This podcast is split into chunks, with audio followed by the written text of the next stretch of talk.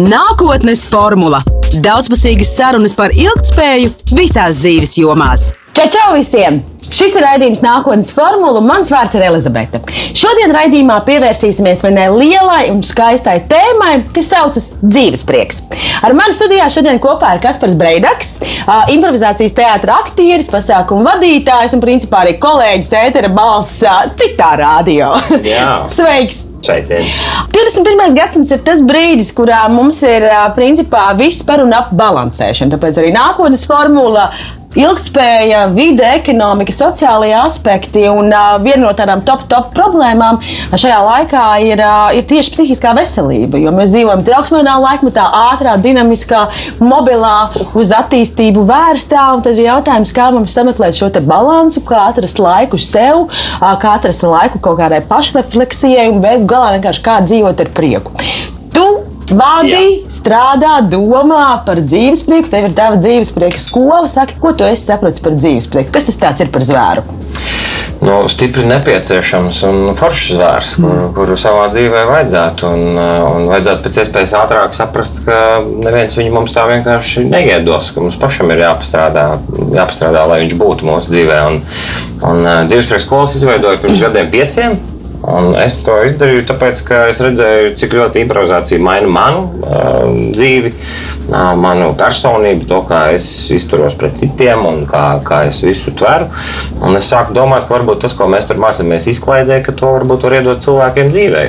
Un tas izveidoja vienkārši 20 draugiem nodarbības pāris, lai saprastu tas var strādāt vai nevar strādāt. Un mēs ātri sapratām, kas ir tās būtiskās atšķirības starp dzīvesprieku un laimi vai, vai prieku. Un, attiecīgi, tas ir tāds uh, foršs uh, veids, kā savu dzīvi sakārtot. Un tāda tā kā dzīves stratēģija, tas vārds pats par sevi jau, man liekas, ietver to dzīves prieks. Tas nav tikai uz mirkli. Tas nav mm. kur, kad es esmu laimīgs, ka mēs satikāmies, vai wow, kā man paveicās. Es esmu tik priecīgs tevi redzēt. Tas dzīves prieks ir tāds pamatīgs, gruntīgs, un, un tas, tā ir tā tava izvēle, kā tu uz lietām lietām dzīvē raugies. Tas nenozīmē, ka dzīvespriecīgs cilvēks uh, ir akls pret uh, bēdām pasaulē, kas notiek vai skumjām. Uh, tāpat dzīvespriecīgi arī skumst un dusmojās, bet tu vienkārši kā prioritāti izvirzi to, ka tu mēģini visur saskatīt tomēr to iespēju priecāties un, un, un, un, un būt harmonijā ar to, kas un kā notiek. Bet tu liec vienādības zīmi, vienādības zīmes starp dzīves prieku un laimi. Nē nelieku tieši tāpēc, ka laime man saistās personīgi ar tādiem mirkļiem vairāk. Mm. Nu, piemēram, es nekad neesmu tā domājis un neesmu varējis pateikt, ka es esmu vienmēr laimīgs. Neviens nav vienmēr laimīgs, bet uh, par dzīves prieku savukārt tik līdz uh, darbojoties ar sevi, strādājot, es to paņēmu kā savu tādu tā kā ancuku uzvilku. Kopš tā brīža var teikt, ka jā, es esmu dzīvespriecīgs. Un, un tas ir tāds ilgtermiņa tādu ilgtermiņa superspēju, tā, ko tu vari pēc tam vienkārši ņemt un ikdienā baudīt. Dažkārt jau man šķiet, ka nu, saka, gribētos domāt, ka tas dzīves prieks un kaut kādā ziņā tā laime mums kā cilvēkiem tā pienāks tā a priori. Nu, tā kā, tāpēc, ka mēs šeit esam, tāpēc mums ir pienākums, tiesības un iespēja būt laimīgiem. Un, kā, nu, šķiet, ka tam tomēr kā, vajadzētu atnākt pie tevis tādā skaistā veidā. Filmas, dziesmas, grāmatas. Nu, nu. Viņiem labi, man arī būs. Man arī būs. Es tikai bišķi pasēdēšu un pagaidīšu. Kāpēc man ir šī tā dīvaina nepasēdēt un nepagaidīt? To ir būs. Jā, tā mēs domājam. Un tu saki, tā nav? Nu, nav. Protams, ka nav. Diemžēl pasaule ir pilna ar stāstiem, kur pat elementāru cieņu un mīlestību mēs neesam nopelnījuši ar to vien, kas esam piedzimuši. Un tepat nav runa par cieņu un mīlestību no apkārtējiem, bet reizēm pat no tuvākajiem. Nu, tas nenotiek tā. Un, un jo ātrāk cilvēks pats to saprot, jo ātrāk cilvēks pats to sev atzīst, jo lielākas iespējas viņam arī to savu dzīvi izbaudīt un, un, un būt priecīgam un sasniegt to dzīves prieku un, un, un izveidot tās laimes epizodes savā dzīvē. Viņš jāpārstāj gaidīt. Man arī bija agrāk tāds tēls, ko es biju radījis savā galvā. Tāds smuki ģērbs, tāds sulainis, kurš tur ierodās no rīta, pieklāvēja pie manām durvīm. Viņam ir zelta paplāte, kur ir izlikts viss, ko es varu vēlēties. Nu, ņem. Neviens neko tev nedos tāpat vien, neviens tevi nenovērtēs tāpat vien. Tev vienkārši jācīnās, jāstrādā. Bet kā var iemācīties dzīves prieku? Kas ir tās metodes, kas ir tās stratēģijas, taktikas, pie kurām tu esi nonācis? Nu, kā tu lauzi to savu domāšanu un, un, un to savus arī stereotipus un kādā ziņā arī tās gaidas un ilgas, jo nu, visgrūtāk jau ir strādāt ar tām emocijām. Nu, labi, mēs tur saliekam plānu, tagad darīsim tā un tā, bet sirsniņa tas sāp, nu gribās, nu gribās, lai tas viss varbūt ir vienkāršāk, varbūt ātrāk. Jā, es domāju, ka šeit pavisam noteikti katram būs savs ceļš, sava recepte. Tādas vienas zelta lietas, man liekas, nav. Tas, ko es sev sapratu, ir, ka viss pamatā ir attieksme un uzmanības pievēršanā. Tajā brīdī, kad ir visas tās emocijas un ir viss tas jūklis, nu, tur mēs visi sākumā dzīvē esam, tad ceļš tur skola beidzās vai tur universitāte, kas mēs esam tāds apdološs dzirkstelīts, vienkārši izšaujamies ārā no tā ugunskura un ko tālāk, kas, kur, kā. Un man liekas, ka tev ir svarīgi pievērst uzmanību visam tam, ko tu jūti, tam, ko tu domā. Nevajag vienkārši aizslaucīt kaut ko. Ja tu ejot gulēt, esi neapmierināts ar to dienu, kāda tev ir bijusi. Nu, ņem un sēdi tajā gultā un izdomā, kāpēc, kas nebija, ko es nākamreiz varu darīt labāk. Nu, un man patiesībā tieši tā improvizācija palīdzēja sasniegt to šeit un tagad vairāk. Jo improvizācijas teātris atšķirībā no teātra nav scenārija. Līdz ar to mēs nezinām, es nezinu, ko tu teiksi. Man ir jāklausās, ko tu teiksi, lai zinātu, ko es teikšu. Teātrī tu vari iemācīties lūgu un reizēm varbūt arī bišķiņa aizpeldēt, un tu tāpat zini, kas tev jādara. Nu, lūk, tātad tu esi šeit un tagad, un tu saproti, ka ja es pievēršu uzmanību, Tas nozīmē, ka tur, kur ir mana uzmanība, tur aiziet mana enerģija. Nu, tu nešaudies vienkārši uz dūlu. Un, un tad tu vari sākt veidot un strādāt to savu ikdienu, kādu tu gribi. Tev arī ir diezgan dinamiska tā ikdiena, un tu ļoti daudz komunicē ar cilvēkiem. Tev profesionālā darbība to paredz. Kā tu sabalansē šo laiku sev, savai ģimenei, privātai dzīvei un šo te uh, ritmiku, kas ir, kas prasa agrus rītus, vēlas vakarus, dažkārt tas prasa brīvdienas. Mēs esam tādā industrijā, šeit, šoreiz es saku mēs, jo es arī darbojos radošajā sektorā, nu, kur, kur kāpa liela, tad, kad visi citi atpūšas, mēs strādājam. Nu, jā. Kā tu to sabalansē? Šausmīgi daudz dzeru. ir bijuši visādi posmi dzīvē, un katru reizi ir kaut kāda sava tāda formula, kā tad tajā brīdī tikt ar to spriedzīti galā. Jo tas, protams, paņem šausmīgi daudz enerģijas, bet attiecīgi tu ņem un vairāk pacīnies par sevi un nodali tās lietas. Tagad es esmu darbā, es esmu ar 110% iekšā. Es daru, bet, piemēram, nu, tādās brīvdienās vai brīvbrīžos, vai kad nu, mums tās brīvdienas ir, nu, reizēm tās ir pirmdienas vai, vai otrdienas, kad vienkārši visu šodien es būšu tikai savai ģimenei. Un tad, attiecīgi, arī stingri pie tā pieturēs. Nē, nav nekāda mazā haltūriņa. Nē, nav, es nevaru tagad izskriet parunāties. Nē, šodien es esmu sev un viss. Un jo striktāk tās robežas novāk, jo labāk. Un, protams, kāds apvainosies, kāds teiks, nu, kas tu nevari atskriet tur pusstundu ar mani parunāties vai tur nobildēties vai nezinu, ko izdarīt. Šodien nevar varu, nezinu, pēc nedēļas, pēc divām. Nu, Lietas vienkārši to plānu kopā. Un svarīgi ir atrast katram pašam sev, kas tevi pilnībā iztīra un nomierina. Nu, man, attiecīgi, tas ir motocikls, braukšana ar moci. Tajā brīdī es neko neklausos, ne, nekas. Es vienkārši esmu tajā mirklī, katrs līkums, katra virāža. Porš, kaut kur piestāja maliņā, piezvanīja ģimenei, pārliecinās, ka viss kārtībā, brauc tālāk. Nu, tā. Lai tu neesi visu laiku arī citiem, tev ir jāatrod kaut kas sev, pašam, pašam sev. Ilgu laiku tev prasa iemācīties pateikt nē? Ļoti ilgu laiku, vēl joprojām mācās. tas, ir, tas ir ļoti traki. Sevišķi, jau, protams, tad, kad tu esi nu, par sevi radījis iespēju, ka tu vienmēr esi super atsaucīgs, vienmēr esi uh, smaidīgs un tāds. Bet uh, mums visiem ir tādas dienas, kad, nu, nu nav, kad nē, nu, nav. Nu, kad nē, nu, gribu apēst saldējumu. Nu, nē, negribu. Un tam nav nekāda sakara ar tevi. Es vēl joprojām mācos. Un man ir bijuši vairāk tādi diezgan kolorīti piemēri, kas man spilgti pasaka, nu, ka večuk, nu, tā nevar. Un viens no tiem, ko es, man liekas, jau kaut kur arī esmu stāstījis, bet izstāstīšu vēlreiz. Es krundā vadīju pasākumu, un pēc pasākuma pulkstenis viens, un es esmu pārgurs un jābrauc atpakaļ uz, uz Rīgu. Un, un man pēkšņi no organizatoriem prasa, vai es nevaru paķert rekur, uh, fotogrāfu uz Rīgu. Un es saprotu, ka man būs tādas vēl divas stundas jārunājās vai jāklausās. Un es tik ļoti to negribu, bet man nav drosmes pateikt nē.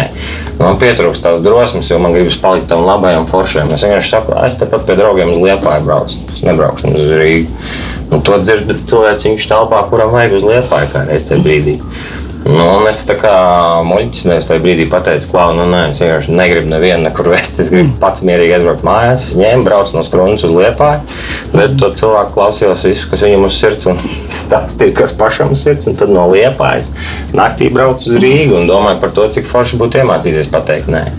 Jo mēs redzam, kā pieraduši šausmīgi visu personisku uztvert. Nu, ja es tev pateikšu, mm. nē, tad, tad tu man uzreiz nepatīc, vai, vai viss ir par un ap tevi, bet tā nebūtu nav. Es tev varu pateikt, nē, tikai tāpēc, ka vienkārši, hei, es šobrīd nespēju vairāk, un viss, bet tas ir par mani. Nu, tā ka to ir vērts iemācīties, bet ir vērts arī iemācīties to darīt eh, pieklājīgi un jauki. Kas ir tās tehnikas, ko tu izmanto? Tev tomēr nu, viens ir tas, ka mēs ikdienā vairojot savu dzīves prieku, uzlabojam savu dzīves kvalitāti, un tad ir tas, ka dzīves prieks ir mūsu darbs. Skatus cilvēkiem, ētera cilvēkiem, TV cilvēkiem, komunikācijas cilvēkiem. Tas ir darbs. Kas ir tās metodas, kas ir tās individuālās, ko tu saproti, ka ok, šodien man sāp galva ir slikti, bet mans pasākums ir jāvada. Jā. Pirmkārt, es esmu apsolījis, otrām kārtām tiešām tā ir mana darba, darba maize. Kas ir tas, ko tu dari? Tu, kas ir tās individuālās tehnikas, jā, ko tu izmanto, lai hops.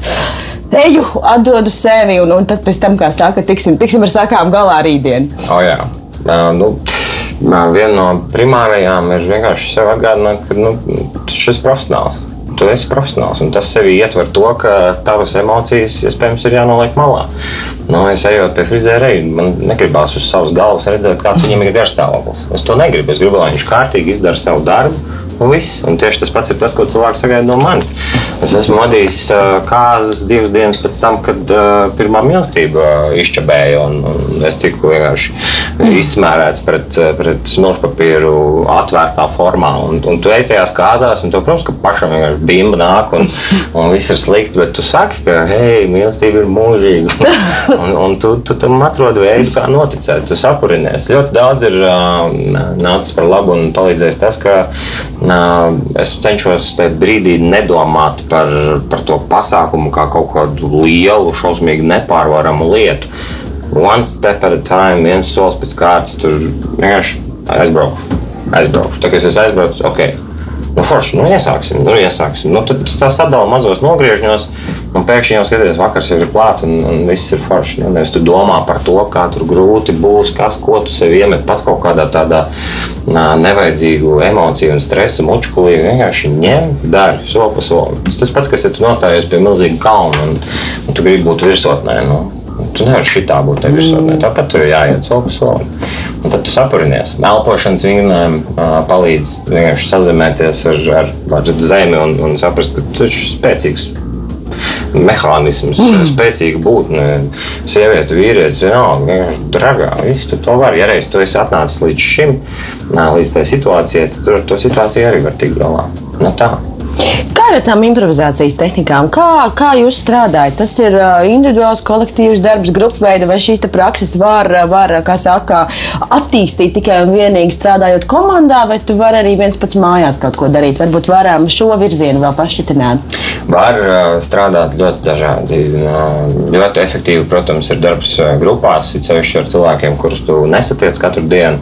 Piemēram, dzīves projekta skolotā arī ir 20 cilvēki savstarpēji nepazīstami satiekās un, un 12 pirmdienas pēc kārtas, 2 stundas strādā. Jo tur tu dabū sev pretī eh, baigi plašu to emociju spektru. Tev ir svešs cilvēks, tur kā, nu, kā es izskatos, kaut kāds iespējas jāatstāj, bet tev, tev uz, uzdevumu atbruņo pilnībā, un tu, tu esi pēkšņi ārpēc ko acu konteksts trīs minūtes ar svešu cilvēku. Dievs, visas tās emocijas, ko var to darīt.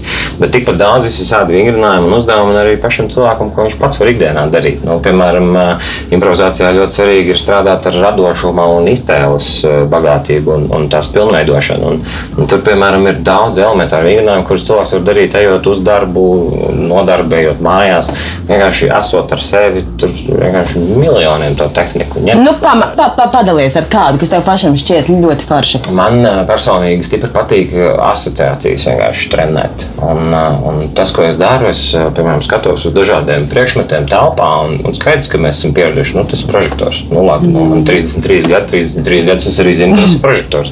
Bet, uh, ko viņš man atgādina? Vēl, kas viņš pēc formas tāds varētu būt? Nu, Pagriezts uh, horizontāli būs paplāta, kas vienkārši nes gaismu. Vai, vai ja tu gribi viņu mest, tad pēkšņi tas būs vienkārši nestandarta formas uh, lidojošais taisnības stūris. Nu, vienalga, un tu sev visu laiku prasi, ko man atgādina, ko man atgādina, ko man atgādina. Vai arī tur runājies ar cilvēkiem Bieži vien cilvēki tur mazliet satraucās kaut kādos pasākumos, networkingā, kad oh, vai man būs nākamā tēma, vai, vai es domāju, labāk jautājumu. Un tad viņš pilnīgi pat vairs neklausās tajā cilvēkā. Viņš visu laiku koncentrējās uz to, kas būs pēc tam.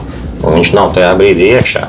Un tad arī vienkārši klausies tajā cilvēkā, Un, ja kas, ko viņš stāsta, tu vari sev iekšā tādu mantriņu visu laiku skaitīt, par ko man atgādina. Ko man atgādina. Un tu tāpat atradīsi savas kaut kādas līdzības no savas pieredzes un, un, un izpeldēs tajās situācijās. Vēl viens jauks veids, kā trenēt sevi, ir vienkārši no cilvēki, kas ir viens no populārākajiem jautājumiem katru dienu. Tavuprāt, ko cilvēki viens otram uzdod. Un kā tev iet? Kā tev iet precīzi un kā mēs atbildam? Mēs Labi, nē, klasiskais normāli. Normāli. Latvijā normāli. Tas ir pieņemts normāli, nu, normāli vai labi, bet tu vienmēr tā arī ņem un atbildi. Un man liekas, mazliet dīvaini. Kaut kāds potenciāls ir tāds resurs. Man tik daudz prasa to katru dienu, bet es visu laiku saku vienu un to pašu. Varbūt es tur varu atrast kaut kādu treniņu. Un es sev sāku izaicināt vienkārši. Es nedrīkstu atbildēt vienādi. Viss, ja es kādam pateicu tā, man pēc tam ir vai nu jāpapildina tā atbilde, jāpapušķo vai, vai jāpaķer kaut kas no esošās situācijas. Un, nezinu, tur viņš, viņš man pajautā ar tādu emociju, tad es ieliku to emociju viņam pretī tajā atbildē. Nu, nu, kā man iet, tā arī iet, tā kā tu man paprasīji, tā man iet. Nu, tā kā, tā kā metinātājs tikko piešķīlis, un tik, tik spoža tā diena man ir. Nu, tu sāc vienkārši trenēt savu valodu, savu iztēli un, un kļūsti bagāts. Kāda ir tava starptautiskā pieredze? Es diezgan ātri sapratu Latvijā, ka to improvizāciju mācīties nav kur diži. Ir mums lielmeistari, vecmeistari, un, un viņi ir cienījami un forši. Bet es saprotu, ka ja reiz jaunības dūlums atļauj, tad jābrauc uz dzimteni, kur improvizācija radās, un tā ir Čikāga, Amerika. Es aizbraucu uz turieni, pamācīties The Second City teātrī trīs, ga, trīs gadus, trīs mēnešus, un, un padzīvot vēl pa Ameriku, tur paskatīties tos teātrus. Un tad pēc tam parādījās šausmīgi liela apetīte pēc tā. Un es esmu izceļojies praktiski pa visu Eiropu, dažādos festivālos, tur Francija, Spānija, Portugālē, Kopenhāgenes, Vācijas, visas pēc kārtas. Tur. Un sākumā es braucu kā studentiņš. Es tīri vienkārši ir festivāli, braucu mācīties, nedēļu tur dzīvoju, eju ar lielām acīm, raugos uz, uz bukiem un, un, un skatos, kā viņi to lietu dara. Un, un agrāk vai vēlāk tas jau viss sāk mainīties, jo tu sapazīsties ar cilvēkiem, kas tur arī paši kaut ko organizē, labas attiecības. Viņi redz, ko tu vari izdarīt, jo katrā festivālā ir kaut kāda tā, tā, tā kā šaukais, kad studenti arī var uzspēlēt. Un tas sāk nākt pie piedāvājuma arī mācīt. Un tad, tad nu, es sāku pamazām nevis braukt mācīties, bet braukt mācīt un spēlēt. Un praktiski Eiropā nav tādas valsts, kur nav būtis. Kāda ir tā būtiskākā atšķirība, ko tu pamani tajā cilvēciskajā ziņā? Jo nu, improvizācija pati par sevi ir tāda nu, ļoti personiska lieta īstenībā. Un arī tajā brīdī, kad pie tevis cilvēki atnāk uz skolu, tu jau uzreiz vari redzēt, jau uz pirmā, tikko viņi uzkāpj uz skatuves, vai kaut vai elementāri iepazīstina ar sevi, tu jau vari just, kur ir tās blokādes, varbūt kur ir tie kompleksi vai vēl kaut kas. Ar ko, ar ko cilvēki varbūt tādā tajā, tajā kontekstā, ka tev ir šī starptautiskais redzējums, ar ko teiksim, cilvēki Latvijā īpaši izceļas, ar ko viņi atšķiras. Gan tajā ziņā, kādi viņi pie tevis atnāk, gan tajā ziņā, kā viņi spēj ar to tikt galā un vispār kāda ir viņu humora izjūta un pasaules uztvere. Man liekas, ka Latvijam ir īpaši svarīgi iedot to, to pamatīgumu sajūtu un ļaut viņam pašam sajust, ka šis strādā. Jo, piemēram, aizbraucot uz to pašu Ameriku vai, vai kaut, vai kaut kur, nezinu, kaut vai Somija, kas arī varētu likties, nu, bišķi augstāka valsts un tā un šitā. Bet viņi kaut kā jau a priori jau bišķi vairāk tās rokas tur jau pavērts pret visiem. Viņiem ir tāds vairāk tāds, draugs, viss kārtībā, viss forši parunājamies. Viņi savukārt nav tik gatavi iet dziļumā. Latvijas varbūt sākumā būs tāds noslēgtāks. Viņam vajag saprast, ka ka šī ir laba lieta. Viņam sākumā būs tāds bijis tāds skeptiskais, nu, ko tu man te tagad stāstīsi. Nu, tā. Ja paskatās, kad uz semināros bieži vien cilvēki viņi tā kā atnāk, viņi it kā to grib, bet viņi tā iesēž tajā krēslā. Nu, puika, Tas tad tev. parādi man. Bet pēc tam, kad tu viņam iedod jau ar tiem kaut kādiem pirmajiem vai saviem pieredzes stāstiem vai ar kaut kādiem uzdevumiem, tu iedod viņam sajust, ka tā ir, ka tā ir lieta, kas strādā. Un viņi strādās arī tev. Viņi varbūt viens pret viens nebūs tādi pati kā man, bet tu pats atradīsi, tu pats uztaustīsi un es tev palīdzēšu. Un tad tas latviečs no šī viņš pēc tam jau kļūst par jau vienkārši jau neču, mm -hmm. neču mazais, visu tur ģimeni. Tāpēc es personīgi galīgi vairs nepiekrītu tam, ko mēs arī paši skandinam un daudzinām, ka mēs tur esam noslēgti un, un augsti. Mēs vienkārši esam prasīgāki. Mēs tiešām esam prasīgāki. Un, un tas ir tas kāds uzticības kredīts, ko mums, diemžēl, nu, tur vēsturē ir miljoniem iemeslu, kāpēc mēs esam tik piesardzīgi. Un, un tāpēc mēs esam sākumā bijuši prasīgāki. Es gribu redzēt, ka tu esi, ka tu esi droša vidi, kurā man būt, kurā es varu strādāt, kurā, kurā darboties. Man šķiet, ka arī Latvijam ir nedaudz bail no tādas nenopietnības. Nu, tā, ka nu, mums tam humoram un īstenībā tam dzīves vieglumam ir ļoti grūti ļauties. Mēs tā, tā, tā, nu, tā, nē, nē, nē. Nu, tā kā šis, šis nevar būt tik vienkārši, vai tas izsās pārāk muļķīgi, vai es izskatīšos pārāk muļķīgi tajā situācijā. Man liekas, ka tā ir tāda, tāds liels, liels kaut kāds kultūra vēstures mantojums, kas mums nāk līdzi. Kā ar kādiem kompleksiem varbūt tās, jo man liekas, ka tas arī kaut kas tāds, par ko ļoti daudz runā, nu, ka mums ir kaut kāds tas nacionālais komplekss par to, ka mēs tādi mazi, nevarīgi, nespējīgi. Vai tu to jūti ar tiem cilvēkiem, ar kuriem tu strādā? Es eh, domāju, ka es tev pilnīgi piekrītu par to. Es domāju, ka tas ļoti saistīts ar to, ka tajā brīdī, kad es izrādu, izrādu to savu prieku, vai, vai kad, es, kad es esmu mazliet daudzonīgs vai tāds atvērtāks, es kļūstu automātiski ievainojams. Es kļūstu daudz ievainojamāks. Ja es pasaku, piemēram, kas man ļoti patīk, man ļoti patīk, piemēram, monogūta darbi, man ļoti patīk. Es esmu tev parādījis daļu no savas uh, sirds, no savas dzīves, un, un, un to daļu, jebkurš svešinieks, kuram tajā brīdī ir slikta loma, kurš tikko savu vienīgo veselo īkšķi ir atsits pret stenderi, viņš var izpostīt to manu daļu, ko es tik ļoti mīlu, vienkārši nozākājot, pasakot, tur, uh, Dievs, šis kāds vecs sagrabējis, tur cīnītis, ko tu tur viņā tur esi atradis un ieraudzījis, un es tur sāku šaubīties par visu to, kam es tur ticu. Savukārt, ja es pasaku, ka man kaut kas nepatīk, es it kā palieku tāds, nu, tāds, tāds o, man nepatīk, tas ir sūds, šis ir sūds, vispār viss ir sūds, un, mm. un man jau neviens nevar aizskart, jo neviens man nav iepazinis. Viņi tikai zina to, kas, kas man Un, un tur ir tā, man liekas, tā, tā galvenā nianse. Un mēs redzam, kāpēc tādi mēs izteikti varbūt arī viņi esam. Tieši tāpēc, ka mēs taču jau tikko dabījām pa mīzu par katru lietu, ko mēs paši izdomājam vai paši pasakām. Nu, mēs esam izvazāti tur. Vieniem, vieniem atnest to, citiem izdarīt šito. Mums pašiem vēl šobrīd tas savs mugurkauls ir jāuztāsta. Es domāju, ka mēs esam ļoti labā procesā uz to, un tās paudzes mainoties, viena otru ar vien vairāk atbrīvos, iedvesmos, redzēs, un, un no tā nevajag baidīties, un par to nevajag kautrēties. Protams, ka reizēm līdzi nāk, tur, nāk kaut kādas piebildes, ka, nu, jā, jā, tas jau tāds, tāds vieglprātīgs, tāds pamuļķis, kas skrēja pa to pasauli, savu platu atplast to smaidu, tur trīs reizes gadā aiziet pie higienista un dzīve izdevsies. Bet tu nevari būt asprātīgs, ja tev nav zināšanu tas jau viss iet roku rokā. Tāpēc uh, tas vien, ka cilvēks atļaujās būt uh, atvērts, brīvs, uh, dzīvespriecīgs, jokoties, daudzīties, tā ir tikai daļa no viņa. Un tad, attiecīgi, ir tas vēl sagums iekšējais, kas mūsos visos, protams, ir. Ar ko improvizācijas tehnikas ir īpašas tādā ziņā, ka no ko tas atšķiras varbūt no klasiskās teātras skolas vai no teātras sporta, kas arī ir viens no tādiem virzieniem, kas, kas ir dzirdēts, zināms, un kur tehnikas tiek izmantotas? Mm -hmm. nu, no teātra tas atšķiras tieši ar to, ka mēs radām uz vietas, mēs ļaujam skatītājiem, kas ir tajā brīdī izrādē, būt režisoriem, mēs prasām viņiem idejas, un viņu idejas mēs realizējam, pārnesot uz skatuves stāstos. Un tur ir tas tieši tas klātbūtnes moments un tā iespēja redzēt dzīvu sadarbību. Dzīvu sadarbības starp pieaugušiem cilvēkiem, kas bieži vien arī neizdodas. Bieži vien gadās arī tā, ka nu, tu tur vari censties, kā tu gribi to stāstu nolikt uz kājām, bet kaut kas tur pietrūkst, kaut kas tur nav. Nu, savukārt, ja, ja kāds ir rakstījis lūgu tur pusgadu, nu, viņš var pārdomāt visas nianses, sīkas malkas, salikt iekšā visādus simbolus, slēptus un nezinu kādus, kurus reizēm pat režisors līdz galam nesaprot, bet tas tur ir. Līdz ar to tā ir tā viena nianses, ka mēs, mēs vienkārši riskējam. Mēs šausmīgi riskējam. Mēs kāpjam cilvēku priekšā un esam gatavi ir, kur atplast rokas un pateikt, šī tā tagad būs. Viss. Ņemiet, aplosiet mani vai, vai mīliet mani. Nav tādas drošības garantijas. Teātris sports ir, ir tāda forša, rotaļīga lieta vairāk jauniešu pasaulē, lai vienkārši ievestu tajā.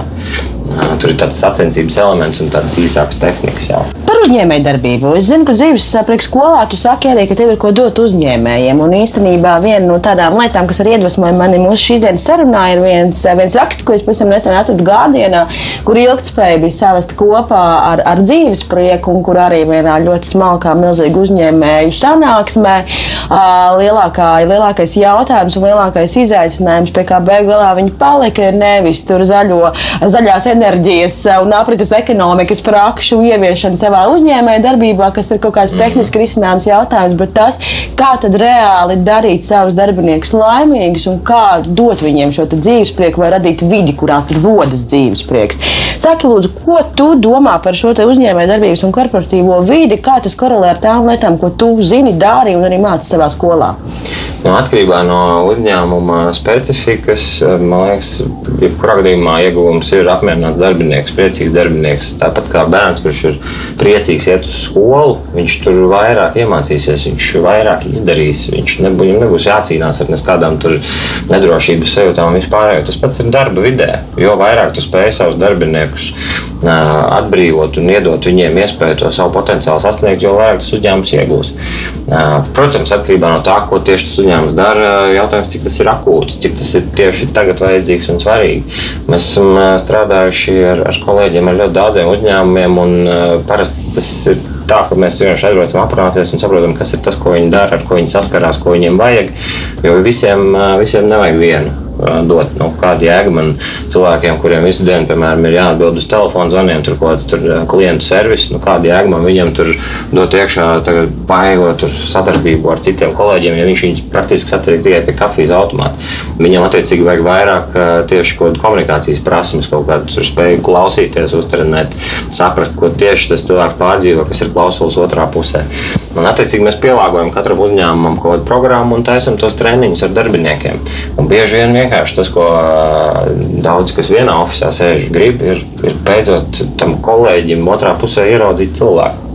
Un tas arī ir, ir tāds reizēm tāds atslēgas moments. Wow, es nezināju, ka tu esi tik foršs. Reizēm viņi tur saka viens otram, vai iezīmes, viņš arī ir cilvēks. Tad viņš arī ir nedrošības un, un baiļu brīži. Un vēl nezinu, kas ir. Jā, un tu vienkārši ļauj viņiem atkal, atkal būt eh, nokāpt no tiem saviem eh, troņiem, kas tur katram ir ar to amatu, protams, jo tā jau arī nu, tā ir atsevišķa vide. Nu, tur, un, un, un, un ieraudzīt to cilvēku aiz tā visu, un tad ir daudz vieglāk komunicēt. Es eh, atceros, es reiz braucu pašvaldībām un, un pašvaldību darbiniekiem, domas darbiniekiem vadīja visādas nodarbības. Un, un, uh, bija, bija reizes, kad arī priekšstādātāji bija klāti. Un, attiecīgi, tur ir nu, no, no paša augstākā latiņa pat zemākā latiņa. Viņi kopā pilda uzdevumu.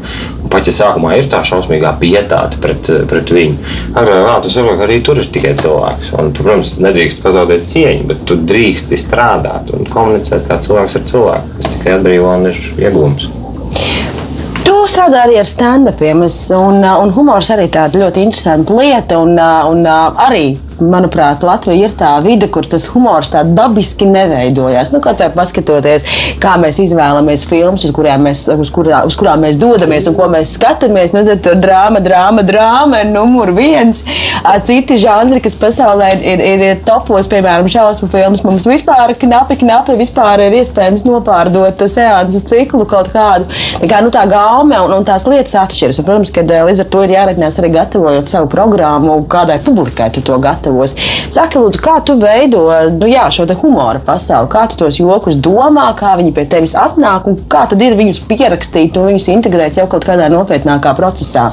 Nu, līdz tādam tīram stand-upam, kā stand-up solo izrādē, es vēl ticis, neesmu, vēl viss ir procesā, bet eh, vadot pasākumus vai, vai esot eh, izrādēs, eh, piemēram, ar Ralfu, mēs arī uztaisījām izrādi, kur tas jau tuvojās vairāk stand-upam, respektīvi mēs stāstam stāstu no savas dzīves, tu vienkārši izdari konkrētus secinājumus, kas tev pašam likās smieklīgi, amizanti, un tu mēģini to aiznest līdz tam skatītājiem. Jo, jo, nu, kas, kas ir humors, kas ir smieklīgi? Nu, pamatā tas ir pārsteigums, tad kaut kas negaidīts, tu kaut ko stāsti, un visiem liekas, ah, būs tas, bet beigās tu to visu apmet otrādi, un ir izrādās tas.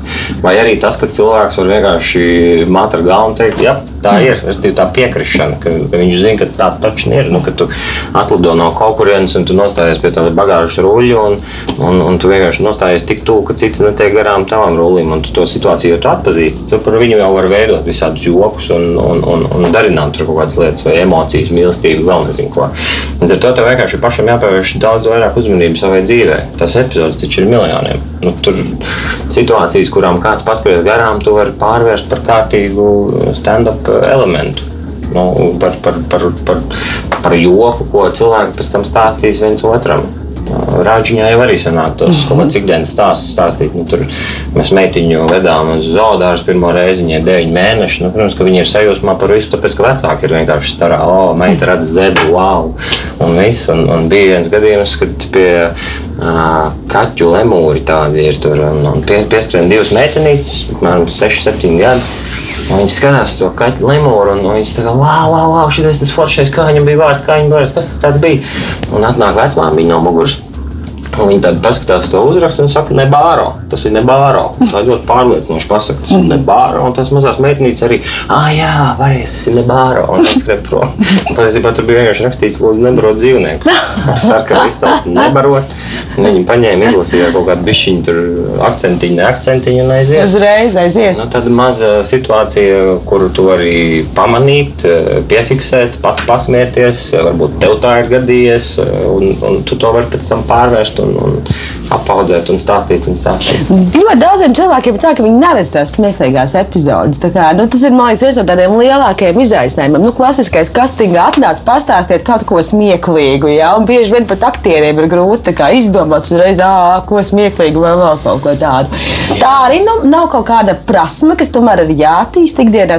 Apzināti meklēt višķiņu to smieklīgo, humorīgo, varbūt pretrunīgo. Jo nu, mēs tā baigi nopietni koncentrējamies, visu laiku kaut ko darām, un šeit tas smieklīgais tur izfiltrējās laukā, vienkārši pazūd no tās vispār domu telpas. Jo tur reāli vienkārši nepamana tos mirkļus.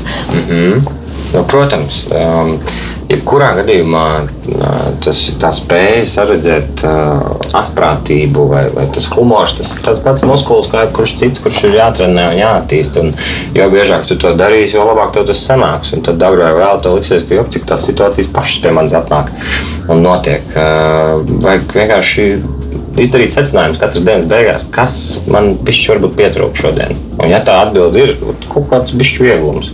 Un tu sāc meklēt to vieglumu, sāc skatīties, kur ir tas vieglums. Vadot kāzas, ā, ko es piefiksēju ļoti ātri, tas ceremonijas brīdis sākumā. Tur viesis sasēžās, līgavains tur stāv pie tā altāra. Man ir nenormāls kaut kāds satraukums un spriedzi. Un es bieži vien kā, kā, kā vadītājs es vienkārši izēju visiem priekšā viņiem atgādinu, ka šeit drīkst elpot. Tas ir apbrīnojami, cik cilvēki vienkārši uzreiz. Atviegloti! Jēziņ, kāds man iedeva atļauju elpot, cik forši, cik viegli, cik pareizi. Taču drīkst tā, kāpēc es esmu aizturējis elpu un šitā te gaidu, ka tā līga nāks. Nu, kāpēc? Kur tas, kur tas rodās? Un tādas epizodes ir ļoti daudz un, un vienkārši vajag eh, visu laiku par sevi sazināties. Pašam ar sevi. Kas man tikko patīk šajā epizodē? Lielā daļa cilvēku pat vienkārši saruna ar viesmīlu reizēm ir izaicinājums. Nu, tur, Dievs, tur pasūtīt ūdeni. Mums arī ir pieci jautājumi. Istabas temperatūrā, gāzēt, negāzēt. Un tad tu pasūti kafiju, baltu, melnu. Mums ir tur kambodžas pupiņas, mums ir arī vietējās tur kandavas pu- pupiņas, tur ieziņas. Un tā ir vesela saruna. Un ir cilvēki, kuriem tas ir vesels izaicinājums. Par īstenībā tas bija, tas bija mans arī nākamais jautājums. Tāpēc, ka nu, tomēr lielākā daļa no cilvēkiem pēc savas, pēc savas šī psiholoģiskā tipa ir introverti cilvēki. Līdz ar to lielākajai daļai sabiedrības jebkura saruna ir izaicinājums. Bet uh, mūsu spēja veidot savu karjeru un, un mūsu spēja vispār kaut ko mācīties, apgūt un strādāt, nu, tomēr savukārt ir visvairāk saistīta ar mūsu komunikācijas prasmēm. Nu, Ko tu ieteiktu tiem cilvēkiem, jā, kuriem tiešām šī, šī pat kafijas pasūtīšana iespējams sagādā problēmu, kur nu vēl darba intervijas un viss pārējais, un visi slavenie networkingi, ja, kur ir jākomunicē un jāiepazīstās, un tas ir vesels, vienkārši pilns slodzes darbs, eh, tīklošanās. Kā tu, ko, ko tu ieteiktu cilvēkiem darīt, lai pārvarētu šo nenormālo barjeru un šīs neprātīgās bailes? Pirmkārt, komunicēt ar cilvēkiem, un nākamais līmenis jau ir kāpt uz skatuves vai nostāties kaut vai trīs darbinieku priekšā un noprezentēt šīs nedēļas vienkārši darba plānu. Es tieši tā arī darītu. Es ieteiktu darīt. Vienkārši darīt. Un viss darīt, un ar katru reizi darīt vairāk. Nu, tas ir tieši tik vienkārši. Tas varbūt izklausās tā, ka, nu, ko viņš tur runā, viņš to nesaprot. Man tiešām ir bail. Visiem ir bail. Parādiet man Latvijā pārliecinošāko un, un, un, un tādu atmosfēras ziņā vieglāko cilvēku. Arī viņš ir pārbies, ejot pie tiem cilvēkiem. Vienkārši, jo vairāk tu to dari, jo mazāk tev arī tās bailes tur paliek. Tu viņus vairāk iepazīsti, un tu saproti, ka tas nav nekas, kas tev novāks no viss. Ja tu vienreiz pasūtot kafiju, vienkārši neskatījies viesmīlim acīs un pateici man melnu bez cukura, tad nākamreiz varbūt pamēģini jau paskatīties viņam acīs un pateikt man melnu bez cukura. Nu, tad jau trešo reizi varbūt jau sāc uh, ar, ar to, ka vienkārši viņam pajautā, kādu kafiju jūs dzerat. Es pirmo reizi dzeršu kafiju, nu jēziņu, taču ņem un spēlējies. Mēs reizēm pārāk nopietni izturamies pret katru atsevišķo dzīves epizodu. Nu, tas, tas, tas ir tikai pasūtījums eh, restorānā, vai tā, tā ir tikai prezentācija desmit kolēģiem. Tas nav dzīvības un nāves jautājums. Tajā brīdī mums liekas, ka ir. Visi redzēs, ka es tostos, visi redzēs, ka es knibinos, tad es aizmirsīšu domu, es teikšu visu uz apli. Mēs jau paši sevi vienkārši apberam ar visām šīm savām uh, nedrošībām un vispār, ka mēs nemaz nesākam pat mēģināt. Tāpēc vienkārši vajag darīt. Kas ir, kas ir bijuši tavi lielākie izaicinājumi vai, vai, vai situācijas, kurās tu pats esi aplausies vai apdedzinājies, vai, vai varbūt pat izgāzies un domājis, ka bāz, nu, tad, kad tev jau ir sārtums, vaigos un pieres rīst, tu saproti, ka netiek ar šo situāciju galā? Jā, nu, tur neizbēgami tādas ir daudz un dikti. Tā pašā improvizācijā, piemēram, nu, bieži vien tajos festivālos tu aizbrauc un es tikko iepazinies ar tiem cilvēkiem, ar kuriem man tagad ir jākāpjas skatos, un 400 cilvēki cilvēkiem jāspēlē izrādi, un tā vēl valodas barjera un kas. Un ir bijušas vienkārši briesmīgas izrādes, nu, kur vienkārši nesaslēdzās, nenotiek, viens otru nedzirdam. Un ir, nu, beigās ir kauns iet un paklanīties. Un, un tas ir normāli, tā ir daļa no procesa. Tāpat pasākuma vadīšanā es esmu tur jaucis tur vadītāju uzvārdus, es esmu tur uzdevis nepiedienīgus, vispār ne, nejaukus jautājumus no stresa un nezinu kā. Un, un ir bijušas epizodes, ar kurām es netieku vienkārši galā. Tas arī nu, tas, ja tu darīsi, tad tu kļūdīsies. Un tev tas ir jāsaprot. Un vienkārši svarīgi ir saprast, tad, kad es esmu kļūdījies, ko es ar to visu daru. Nu, ja es esmu kļūdījies un, un, un nospēlējis sūdīgi izrādi, nu es nedrīkstu vienkārši tagad, uh, ielīst stūri un nekad vairs to nemēģināt. Vai arī pasākums, kurā es tur uh, bosa uzvārdu tur trīs reizes nevaru pareizi pateikt. Nu, ja es visu vakaru tur ņemšu, ņemšu tagad un pārbījies, tad vairs neko nedarīšu visu, un vadiet pašu to vakaru. Un, vai jūs tagad gribat rotaļu, vai jūs tagad gribat ēst, vai es vairs nevaru izdomāt. Un tas būs auzas, protams, bet tev ir jāsaprot Kas tālāk? Tas ir tas svarīgais. Es tikko kļūdījos. Super. Sūdīgākais nevar būt. Kas tālāk? Tur rāpjas ārā no tiem mēsliem. Un, sākumā tie ir pārdzīvojumi. Sākumā liekas, ka es nekam nedaru. Bet uh, ar laiku tu vienkārši norūdies, biezāk kāda, nāk lielāki. Nāk lielākas ziepes, un tad tāpat saproti, ka viss ir pārdzīvojams, viss ir izdzīvojams. Kur tu redzi pašam priekš sevis kaut kādus nākamos soļus, kaut kādu vietu izaugsmē, kas ir tas, ko tu vēl mācies un ko tu gribētu pilnveidot, un varbūt kaut kādā brīdī arī kaut kādā formā, uz skatuves vai, vai kādā mēdīju projektā vai pasākumā aizvest līdz, tiem cilvēkiem, ar kuriem tu strādā? Es gribu rakstīt, es gribu rakstīt. Man ļoti iepaticies atkal lasīt. Bija brīdis skolas laikā, kad grāmatas ēda tā kā, tā kā pusdienas. Un tad kaut kā tas apsīka, studiju gados tas jau likās tā apgrūtinoši. Reizēm pat bija tā, ka veselu gadu laikā izlasu tikai vienu grāmatu, piemēram. Tagad eh, pēdējos trīs gadus ir atkal apetīti pēc tām. Un, ja tu lasi, agrāk vai vēl, tu gribi pašam kaut ko pierakstīt. Un, ja tu pieraksti, tad varbūt kādam būs interesi to izlasīt. Attiecīgi, tad es eju šobrīd tajā virzienā. Es gribu uzrakstīt, aprakstīt, sarakstīt un, un dot to uz ārā cilvēkiem attiecīgi tad, nu, vērtēšanai varbūt kādam kaut kas aizķerās, aiz, aizķerās kādam kaut kas palīdz. Un, un. Dzēja, proza, autobiogrāfija. Viss pēc kārtas. Viss pēc kārtas, Viss. kas nāks, to, to. Uh, Kāds tev būtu vēlējums cilvēkiem Latvijā un, un tiem cilvēkiem, kas mūs šobrīd klausās? Esiet noderīgi. Esiet noderīgi katru dienu esiet noderīgi ne tikai sev un saviem tuvākajiem, bet attiecīgi arī vidē, kurā jūs esat. Vai tas ir uh, ciems vai pilsēta, esiet noderīgi saviem kolēģiem un, un, un viss būs kārtībā. Vai noderīgums sajūt vērot dzīves prieku? Absolūti.